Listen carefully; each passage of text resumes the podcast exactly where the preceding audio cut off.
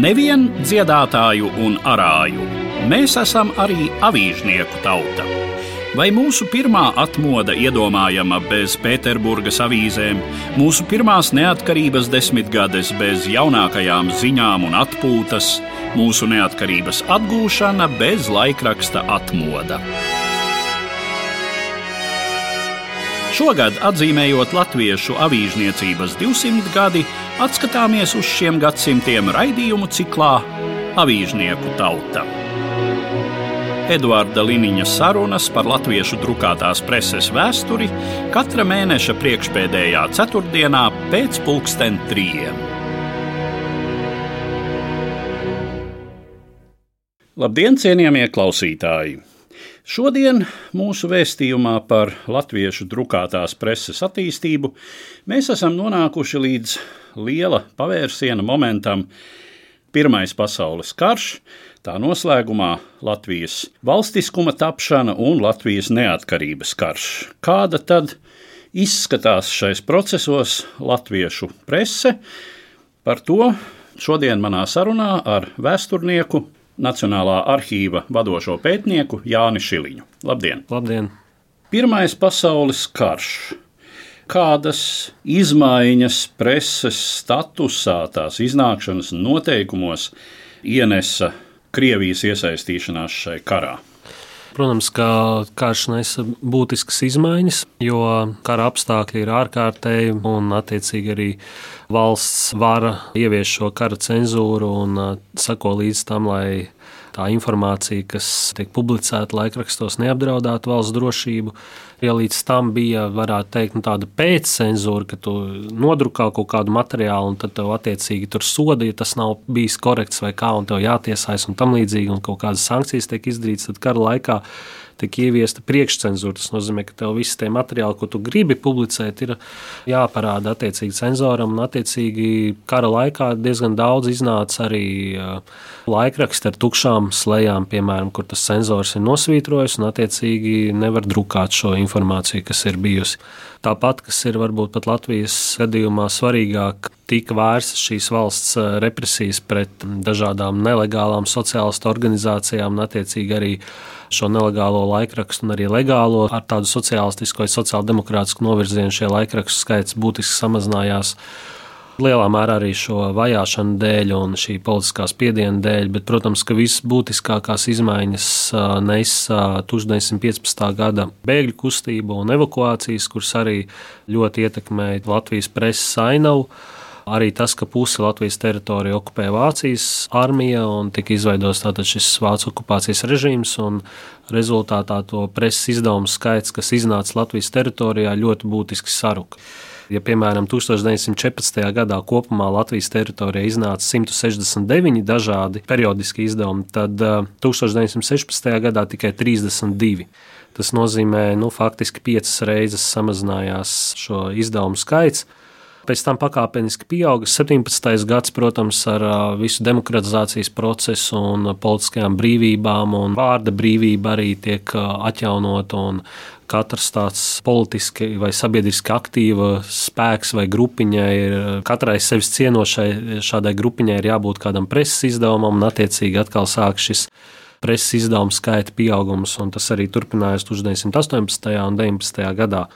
Bet līdz pat neatkarības kara beigām faktiski arī šis pirmskara periodisko izdevumu skaits netika sasniegts. Attiecībā par kara propagandu runājot, uzreiz ienāca prātā mana vecs vecstāvu stāsts, kurš stāstīja, ka Pirmā pasaules kara laikā izplatīja avīzes avīžu puikas, un tad viens no tiem avīžu puikām katru dienu ar to jaunāko avīzi skrēja, un viņš bija saskaitījis, cik tur Krievijas varas iestādes ziņo, cik nogalināti vācu karavīri, un tad vienu dienu viņš sauc skrējis pa ielu un bļāvis prāvis, ka mums vajag tikai nedaudz izturēt to līdz karš beigsies, jo Vācijai palicis tikai viens karavīrs. Viņš ir saskaitījis šos zaudējumus, un viņam sanāk pēc tiem skaitļiem, ka Vācijas armijā ir palicis tikai viens karavīrs. Tas ir jānogalina, un karš būs beidzies. Mūsdienās mēs to redzam līdzīgi, ka, protams, karojušās puses pārspīlē pretinieku zaudējumus. Protams, ka mēs to jebkurā karā redzam, jebkura puse pārspīlē pretinieku zaudējumus, un, protams, kara propagandai, lai cik tā būtu brīva un demokrātiska valsts vienmēr tā ir sava loma. Bet mums jāatcerās, ka Krievijas impērija, protams, tajā laikā līdz pat 1917. gadam nebūtu nebija demokrātiska valsts. Un, protams, 17. gadā ļoti daudz kas mainījās. Jā, un runājot par tā laika preses toni, ievirzi un attieksmi, atcerēsimies Pirmā pasaules kara sākumā.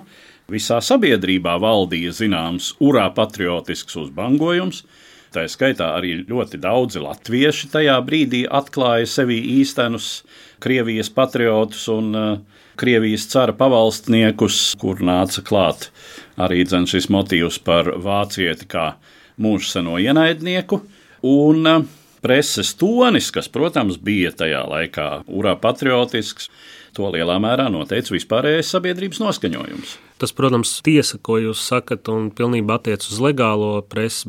Sociāldemokrāti, jeb lielnieku izdevumi bija pretējās domās par šo imperialistiskā kara lomu un apjūsmošanu tā tālāk, un pat attiecībā pret latviešu strelniekiem tur bija ļoti negatīva nostāja.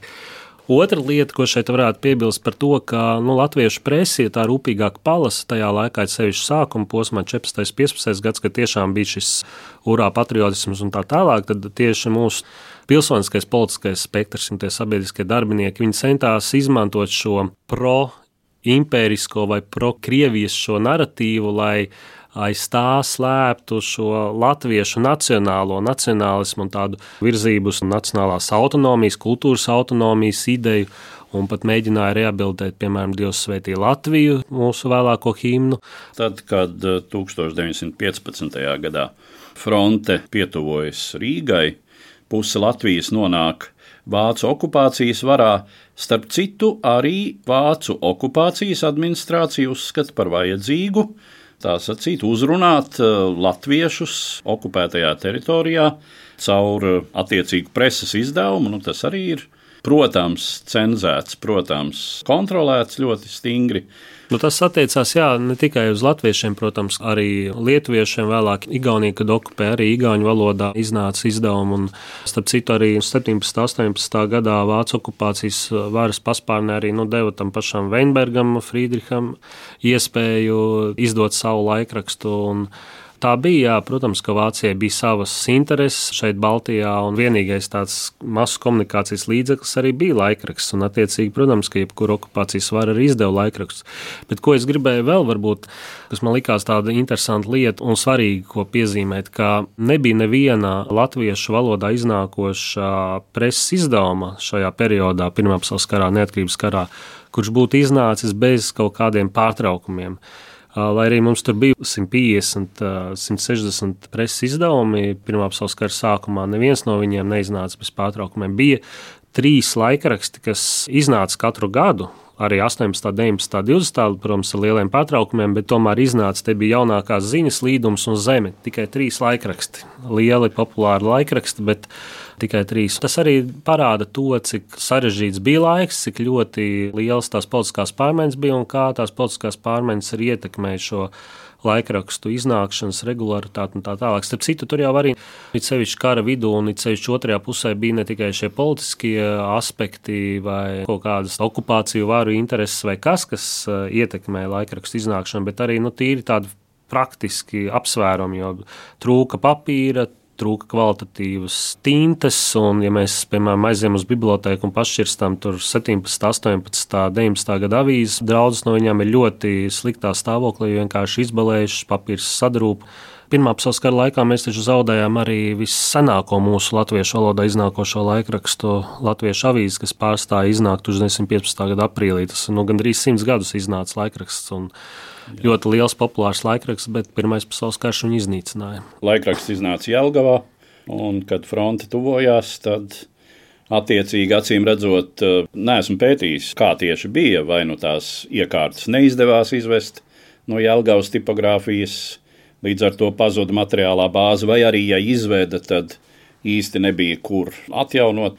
Protams, visa šī kara frontes situācija patiešām ārkārtīgi sarežģīja Eh, laikraksta iznākšanu. Tomēr tā sabiedrības nepieciešamība pēc eh, informācijas, tā vajadzība pēc drukātās preses, kas tobrīd ir vienīgais masu mediju veids, jo televīzija vēl netūlīt nav izgudrota, un radio arī vēl nav kļuvis par masu informācijas līdzekli. pareizi jūs sakat, ka šīs slāpes pēc informācijas sabiedrībai ceļš kara laikā, iespējams, tā informācija ir daudz pat vajadzīgāka un svarīgāka kara laikā un ārkārtējos tādos apstākļos nekā miera laikā. No pagātnes preses lapusēm. 1916. gada decembrī Kārlis Skalbe publicēja laikrakstā jaunākās ziņas aprakstu sēriju uz kaujas lauka. Šausmīgā kara darba diena. Piepeši mēs atrodamies viņas priekšā. Mēs ejam uz otro pārsienamo būdu. Tur kaudzē sakrautas flintis, kaudze flinšu, no tiem, kuru vairs nav. Un turpat blakus pie būdas sienas guļ divi virsnieku līķi.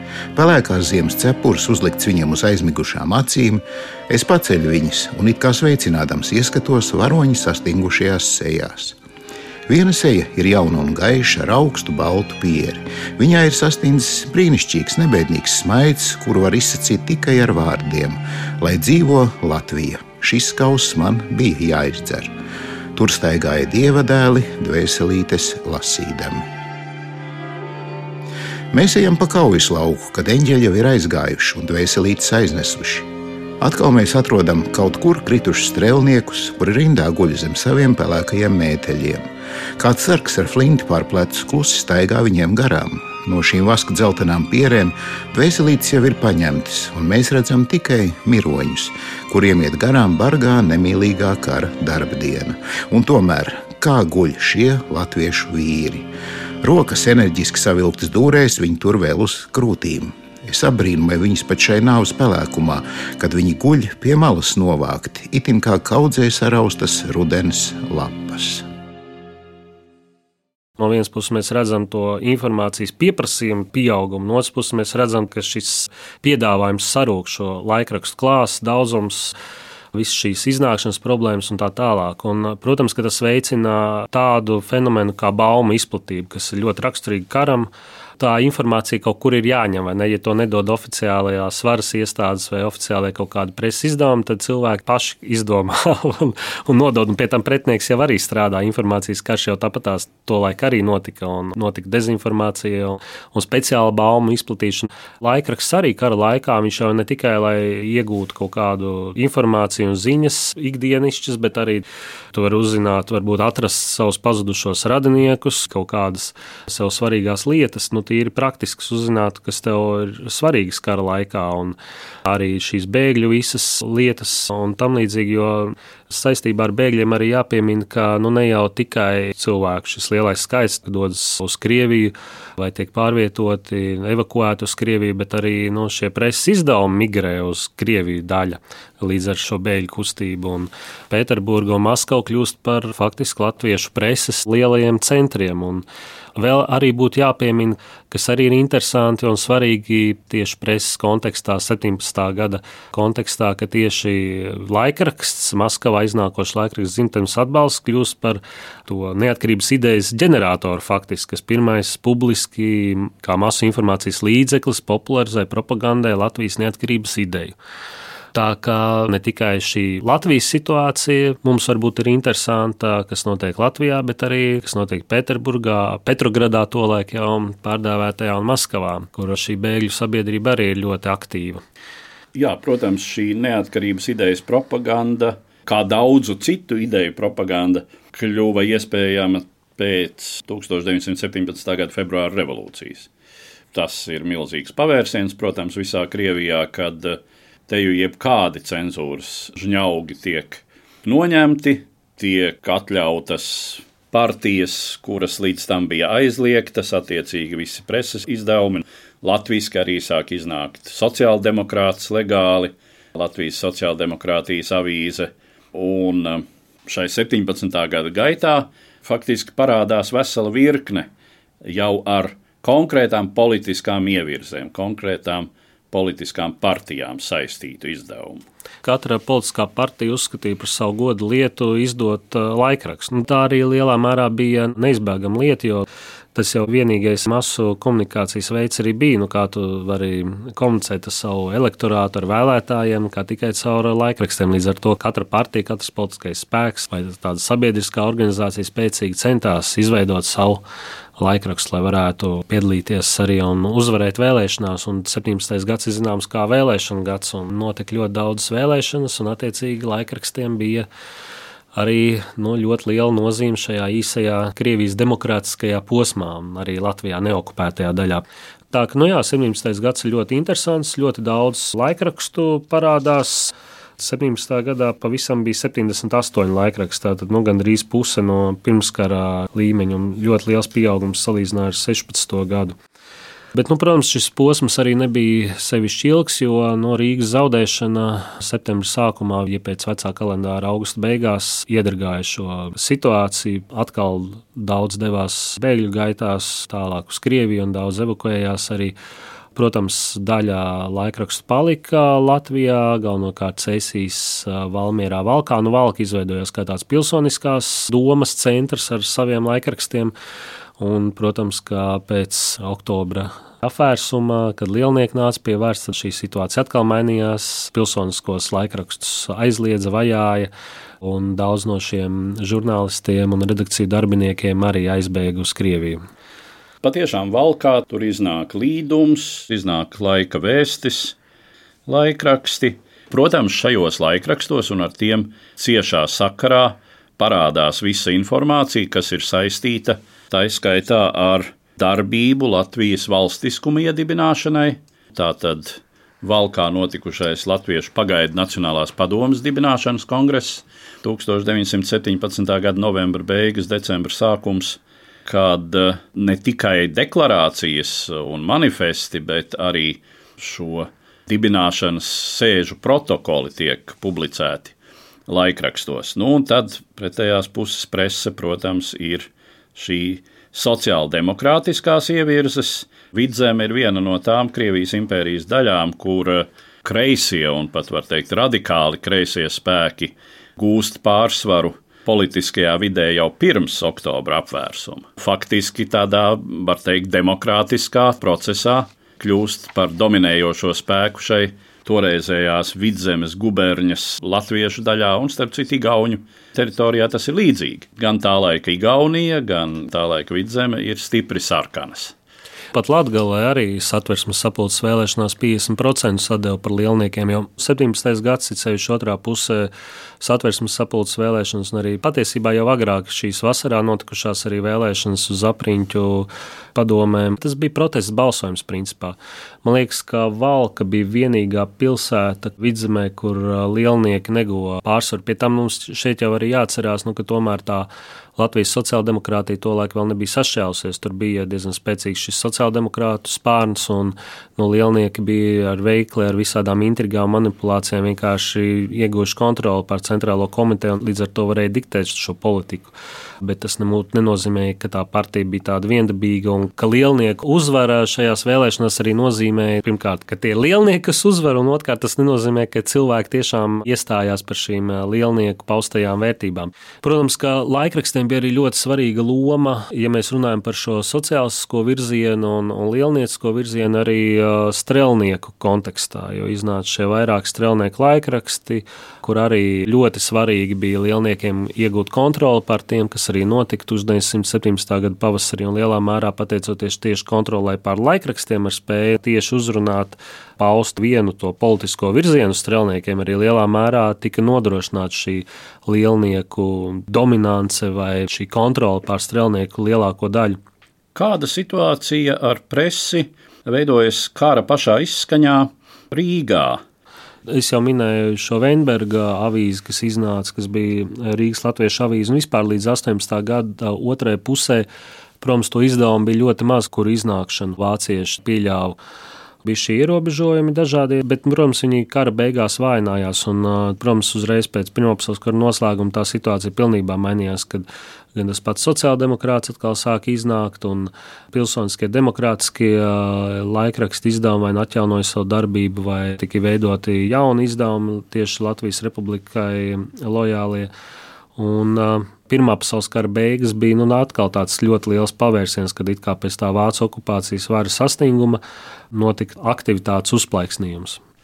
Tad Latvijas neatkarības kara posms, kur tad atkal ir pretējās puses, jo, protams, tad, kad 18. gada beigās, 19. gada sākumā lielāko daļu Latvijas ieņem sarkanā armija, un tā tad Stučkas valdība ierodas Rīgā, tad, eh, protams, šeit arī ir ļauts iznākt pamatā tikai attiecīgas ievirzes izdevumiem. Par padomju laiku, par Stučkas valdības periodu būtu jāsaka divas lietas. Pirmā lieta bija tāda, ka Stučkas valdība ļoti labi saprata preses eh, nozīmi un tās potenciālu cīņā par eh, Vāruva un šīs sabiedrības kontroli un pārveidošanu, jo tie mērķi jau bija ļoti lieli un varani, ko Stučka bija iecerējis Latvijā darīt, uzbūvēt šeit paraugu komunistu valsti. Un, attiecīgi, preses izdevumu skaits ļoti strauji pieaug. Gan apriņķu padomes un visādas organizācijas izdeva savus laikrakstus. Tas galvenais laikraksts bija Cīņa, kas bija Latvijas Komunistiskās partijas, pirms tam sociāldemokrātijas centrālās komitejas oficiālais šis orgāns. Viņš tika dublēts arī dažādās valodās. Vācu valodā iznāca Dirota Fāne un vēl vairākās citās valodās mazākuma tautība tika arī izdoti laikraksti, tā ka tā padomju valdības interese par presi un tas, kā viņi apzinājās un izmantoja tās potenciāli, patiesībā bija vēl nebijis fenomens. Un otra lieta, nu, mēs iedomājamies tiešām par šo lielnieku laiku, un vēlāk arī no marta, kad pārdevēja šo partiju par komunistisko partiju, kā par tādu vienas partijas diktatūru. Bet 19. gadā līdz pat Rīgas atbrīvošanai Rīgā iznāca arī alternatīvs laikraksts, tas ir laikraksts uz priekšu, ko izdevā Latviešu revolucionārie sociālisti, jeb eseri un kurš pauda lielā mērā alternatīvu viedokli lielniekiem. Pirms tam viņi pauda alternatīvu viedokli pagaidu valdībai, kas viņus aizliedz decembra beigās uz desmit dienām. Savukārt Stučkas valdība arī viņus vajāja pavasarī aizliedzot uz diezgan tādu ilgāku laiku.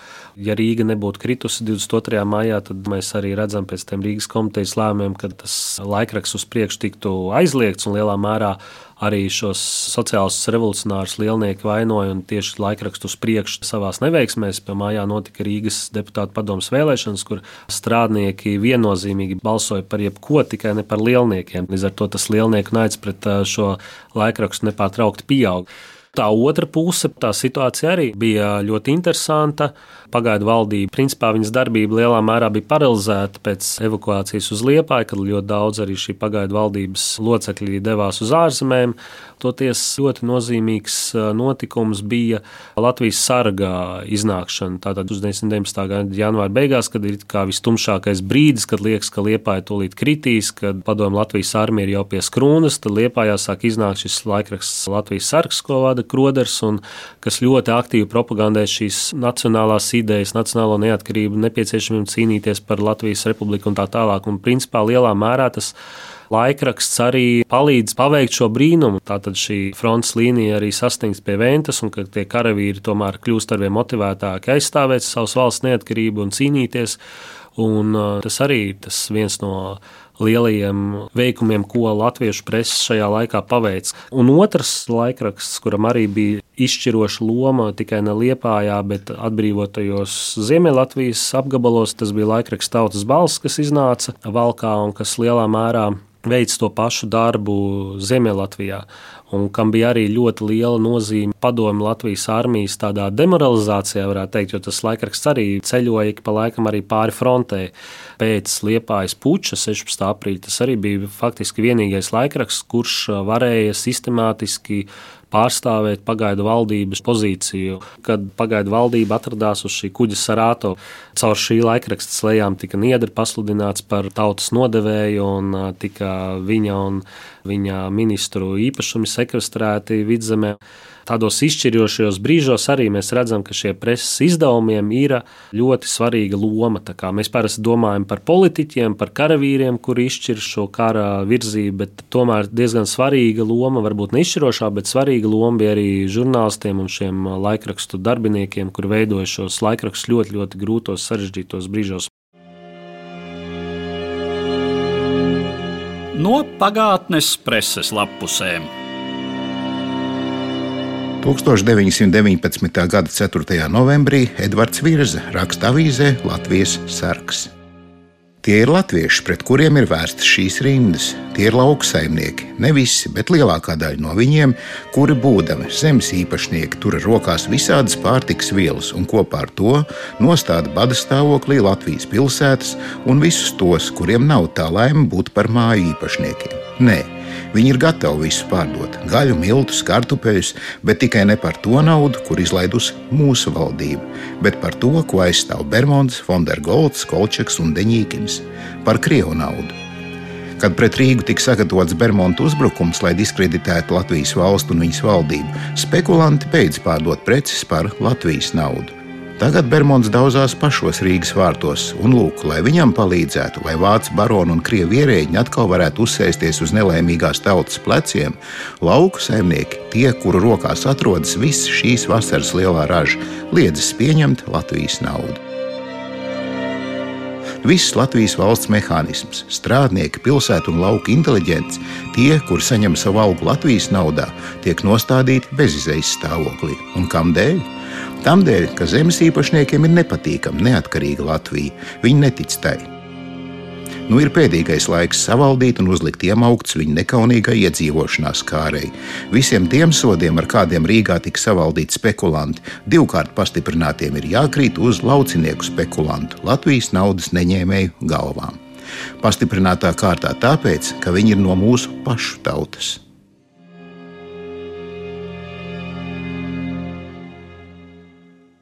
Tad, kad 1919. Eh, gada jūnijā vairāk vai mazāk stabilizējas Latvijas pagaidu valdības situācija Rīgā, un šeit jau sāk veidoties tādas jaunās valsts politiskā vide, tad līdz ar to veidojas arī prese. Un jau, teiksim, 19. gada nogale, 20. gada sākums, sāk parādīties pirmie žurnāli, sāk iznākt eh, ilustrētais žurnāls, jau tāds pat, var teikt, diezgan savam laikam krāšņs izdevums ar daudziem fotoattēliem, un tur arī droši vien ir nozīmīga ietekme tieši karam fotografija kā vizuālā ilustrācija, jo tam kara apstākļos ir ļoti nozīmīga dokumentējoša loma. Presa kļūst kopumā vizuāli vēstošāka, ilustrācijai vairs nav tik daudz varbūt emocionāla izskaistinājuma loma, bet tieši tekstuālā vēstījuma papildinātāja vai pat galvenā vēstošā elementa loma bieži vien. Rezumējot šodienas sarunu, kas ir tas, ko latviešu preses aina iegūst šais dramatisko pārmaiņu laikos? Viena tā lieta, ko iegūst, tā ir veselas jaunas žurnālistu plējādes rašanās, ka tie talantīgie rakstnieki un dzinieki, kuri kara apstākļu dēļ nevar izdot savu prozas vai dzīslu darbus, ir lielā mērā spiesti izmēģināt savu roku publicistikā un tātad iesaistīties laikrakstu darbā. Un ļoti daudz no šiem eh, rakstniekiem tā ir, nu, manuprāt, vistalantīgākā latviešu rakstniecības paudze, kas ir bijusi mūsu vēsturē, tieši pirmskara paudze, kas tagad kara laikos arī tika ļoti sekmīgi izmantota protams, zināmā mērā arī kara un citā propagandā, bet tas viņiem noteikti arī deva kaut ko tādā profesionālā attīstībā arī 20. un 30. gados. Nomainās arī šis izdevumu klāsts, pazūd daudzi šie pirmskara izdevumi, kā jau mēs minējām, Latvijas avīzes. Nu, vispār lielākā daļa no šiem periodiskiem izdevumiem nomainās. Mums jāņem vērā, ka kara vispār kopumā nestās pārmaiņas gan demogrāfiskās, gan sociālās, ekonomiskās, kad tāpēc, ka sabiedrība ir daudz nabadzīgāka, trūcīgāka un mazāka nekā pirmskara sabiedrība. Presa kļūst pēc kara, protams, arī krāsaināka, no nu, ar vairāk šiem attēliem. Tādas varbūt man tās pirmās lielākās pārmaiņas, kas man nāk prātā, domājot par šo periodu. Līdz ar to mēs arī varētu noslēgt mūsu šodienas sarunu, kas bija veltīta latviešu drukātajai presei Pirmā pasaules kara un Latvijas neatkarības kara laikā. Un es saku paldies manam sarunbiedram, vēsturniekam, Latvijas Nacionālā arhīva pētniekam Jānim Šiliņam. Paldies, visu labu!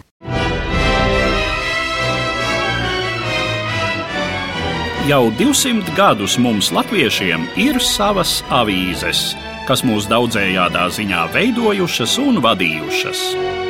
Atskatāmies uz latviešu avīžniecības diviem gadsimtiem raidījumu ciklā Avīžnieku tauta. Eduarda Liniņa sarunas par latviešu drukātās preses vēsturi katra mēneša priekšpēdējā ceturtdienā pēc pulksten trījiem.